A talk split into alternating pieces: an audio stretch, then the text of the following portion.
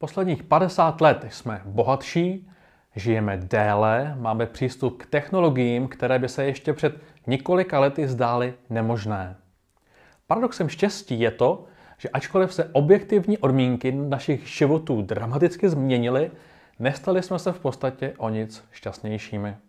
Touto vítětou začíná Matt Killingsford svou přednášku na konferenci TEDx zvanou Mindfulness, tedy projektu, který se věnuje otázkám, jak spravovat svoji duši a tělo, abychom se cítili dobře. Tímto citátem vítejte u druhého kázání na téma Dávej ber, kde se zabýváme tématem správcovství. Minulý týden jsme se zabývali obecným vztahem víry a majetku. V prostředek týdnu jste mohli vidět vysvětlení biblického příběhu o správcovství všeho, co jsme do života dostali. Dozvěděli jsme se, že základní předpoklad pro zdravé naaložení s naším životem je vědomí, že já jsem důležitý, že na mě, na mém životě záleží. Druhým předpokladem bylo, že každý jsme dostali něco, co má hodnotu a můžeme to spravovat pro sebe i pro ostatní. Dnes budeme mluvit o, o, o tom, jak se staráme o naše tělo. Ve zdravém těle zdravý duch je jedno z mnoha mouder našich babiček a každý v životě zjišťujeme, že pokud jsme v dobré psychické kondici, pokud se dostatečně hýbeme, potom máme lepší náladu. Máme sílu čelit každodenním úkolům.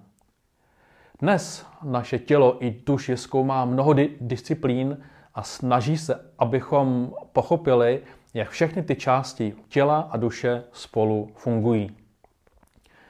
Na začátku jsme tedy četli větu autora projektu Mindfulness, který dnes zkoumá to, jak každodenně fungovat, abychom byli spokojení. Největším tištěním jeho studie, které se zúčastnilo 15 000 lidí z 80 států světa, je to, že se 47% času nesoustředíme na to, co zrovna děláme.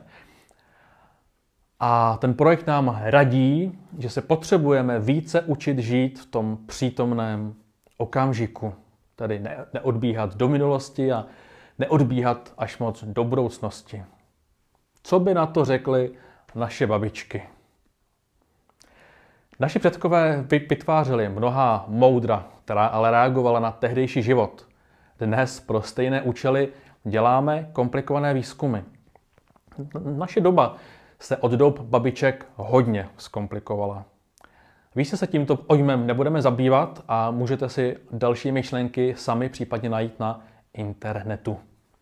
Později se seznámíme ještě s dalším pojmem, teď už se ale pojďme podívat do Bible, která nás také vede ke zdravému životnímu stylu a to už po tisíciletí.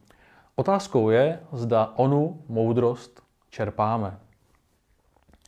Apoštol Jan začíná svůj třetí dopis jednoduchou větou. Píšu milovanému Gájovi, kterého miluji v pravdě. Milovaný, především si přeji, abys ve všem prospíval a byl zdrav, tak jako prospívá tvá duše. Jak jednoduché přání, že? Jak jednoduchý pozdrav. Kamaráde, mám tě rád a doufám, že jsi zdraví. Tvá duše i tvé tělo.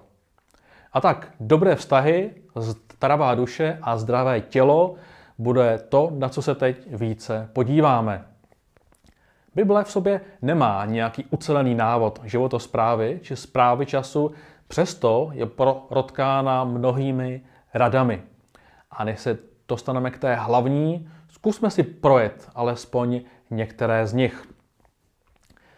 Začněme něčím hodně pozitivním, a to radostným zoláním krále Šalamouna z knihy Kazatel. Může-li kdokoliv jíst a pít, uprostřed svého pachtění se otěšit, je to boží dar. To je hezký začátek. A teď si přečteme více myšlenek, které směřují ke schopnosti ovládat svůj život, mít v něm sílu a hlavně odpočívat. A tak začneme apoštolem Pavlem, který píše, raději své tělo tužím a odmaňuji, abych snad nebyl sám vyřazen, nebo abych neodpadl, aby mi neodešla síla. Jo, dál říká, každý závodník má mít přísnou sebekázeň. Oni to dělají pro věnec, který vadne, my ale pro ten, který nezvadne. Který nás přirovnává k závodníkům, kteří se starají o své tělo, pokud chtějí dosáhnout výsledku. A v celé Bibli se především opakuje důraz na zastavení se, na den odpočinku a přečteme si jenom jednu zmínku z knihy Exodus. Sedmý den je dnem odpočinku, zasvěceným Bohu. Nebudeš dělat žádnou práci ty, tvůj syn ani tvá dcera, tvůj otrok ani tvá děvečka, tvé dobytče ani přistěhovalec ve tvých branách. Bůh se v průběhu oletí dokonce zlobí na lidi, když neodpočívají. Odpočinek se zmiňuje dokonce i v kontextu půdy a zemědělství. My jsme poslední dva týdny zavřeli v neděli obchody a všichni se u nás hroutí, vyčíslují ztráty. My jsme doma najednou v neděli zjistili, že, nemá, že nemáme pečivo a co budeme jíst. No a Bůh se v minulosti na lidi dokonce zlobil, protože on sám ví, co se děje s naším tělem, pokud minimálně se na jeden den nezastavíme. Další verš v přísloví je mnoho takových drobných myšlenek, drobných rad. Jedna z nich, bezbrané město, zborcená hradba, je ten, kdo sám sebe nezvládá nebo neovládá. Dále k tomu můžou směřovat odněty k půstu. Těch je také mnoho jako nástroj, jak zvládnout různé životní okolnosti, jak zvládnout svoji vlastní slabost. Posledních pár eršů pokračujeme odněty na zprávu času. Jeden muž v žalmech píše, nauč nás, Bože, počítat naše dny, abychom v srdci zmoudřeli. A kazatel, znova Pšelamon, ten k tomu má celou kapitolu, jo, že vše má svou chvíli, každá věc pod nebem má svůj čas. A potom pokračuje a mluví o různých životních etapách. Na závěr ještě jedno přísloví. Radostné srdce je lékem na bolest. Zármutek působí chřadnutím těla. A v Koloským, opět od Apoštola Pavla, čteme, nuže, ať už jíte nebo pijete, ať už cokoliv děláte, všechno to dělejte k boží slávě. Každá zmíněná myšlenka má samozřejmě svůj kontext, někdy celý odstavec, někdy jsme ji trošku vytrhli, jen aby jsme si ji ukázali. Myslím si však, že naším problémem může být to, že my možná nečekáme, že bychom se měli z Bible inspirovat ohledně starostí o naše tělo, spánek, pohyb, time management, jak se dneska říká, či zdravou životosprávu. Očekáváme a čerpáme spíše otázky k našemu duchovnímu životu. A když jsem ve 20 letech já osobně alezl víru, investoval jsem většinu energie právě do ono rozvoje toho duchovního vnímání. V těch začátcích pro mě jakoby tělo přestalo existovat. Potom jsem onemocněl a zjistil jsem, jak moc naopak potřebuju řešit otázky, jako je kvalitní spánek, jak se mi stahují svaly v zádech a tlačí tam na nervy. Pak jsem cítil arnění v půlce těla, když jsem necvičil a jenom jsem doufal, že se to nějak samo od sebe změní.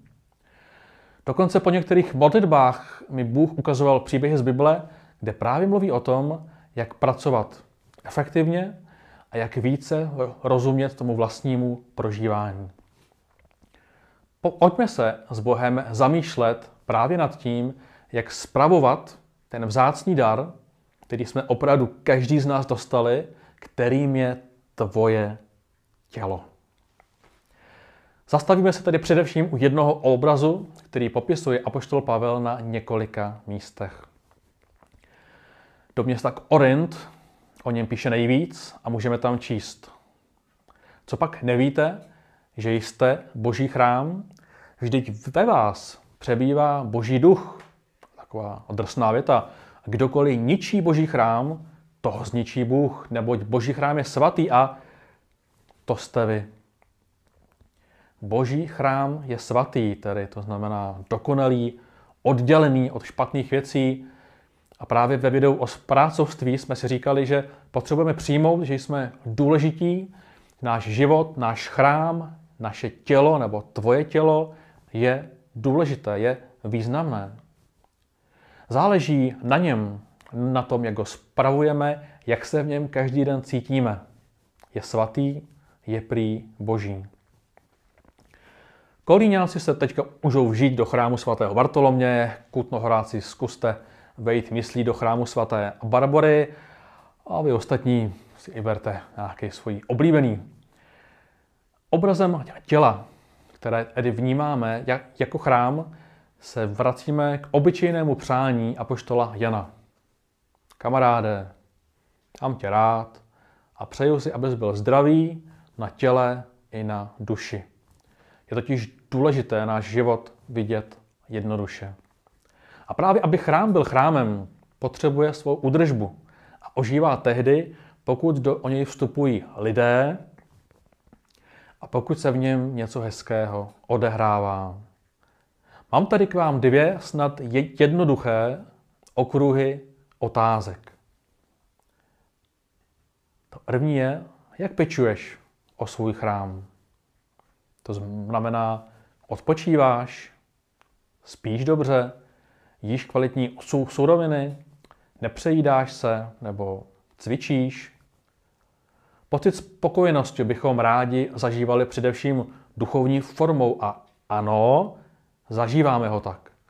Ale stejně tak potřebujeme cítit ony hormony, které vyplavuje naše tělo, pokud se o něj staráme správně. Když se dobře vyspíme, když si zaběháme nebo jinak zasportujeme. Jakou já mám radost, když porazím Béďu v pinčesu. A někdy mám radost, když porazí on mě, což nechápu. Já dělám si srandu. Právě chápeme to, protože naše tělo se raduje, když se hýbeme a sportujeme. To byla první otázka, jak pečuješ o svůj chrám. Ta druhá, snad také jednoduchá, je, koho zveš do svého chrámu a co se v něm děje za akce.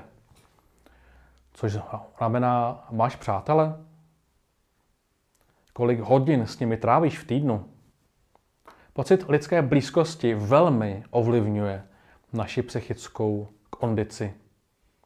Naučil se ve svém životě zkoumat nebo najít, co tě potěší? Moje žena tyto možná i obě otázky někdy schrnuje do jedné otázky. Co děláš, s kým seš, když doopravdy žiješ? Než zakončím, rád bych vám představil ještě jeden termín, jeden projekt, o kterém teď uslyšíme stále více. Jedna univerzita už ho zařadila jako svůj předmět do výuky a projekt se jmenuje Biohacking a jde o pravidelné sledování fungování vlastního těla tak, abychom se cítili co nejlépe. Tito lidé si pravidelně odebírají krev, dělají si rozbory různých látek v průběhu dne a snaží se své tělo poznat natolik, aby mu dali právě to nejlepší, aby se mohli častěji cítit dobře. A přestože máme v posledních letech k dispozici nejlepší osnatky pro to, abychom se cítili dobře, přesto paradoxně prožíváme časté přetížení, vyhoření nebo dokonce deprese. A právě z těchto důvodů budeme zaplavováni novými projekty a radami, jak být spokojeni, když už opravdu máme všechno. Vrátíme se zpět k, jedno, k jednoduchému chrámu. Je-li naše, je-li tvoje tělo chrám, vytvořme si každoměsíční plán jeho údržby.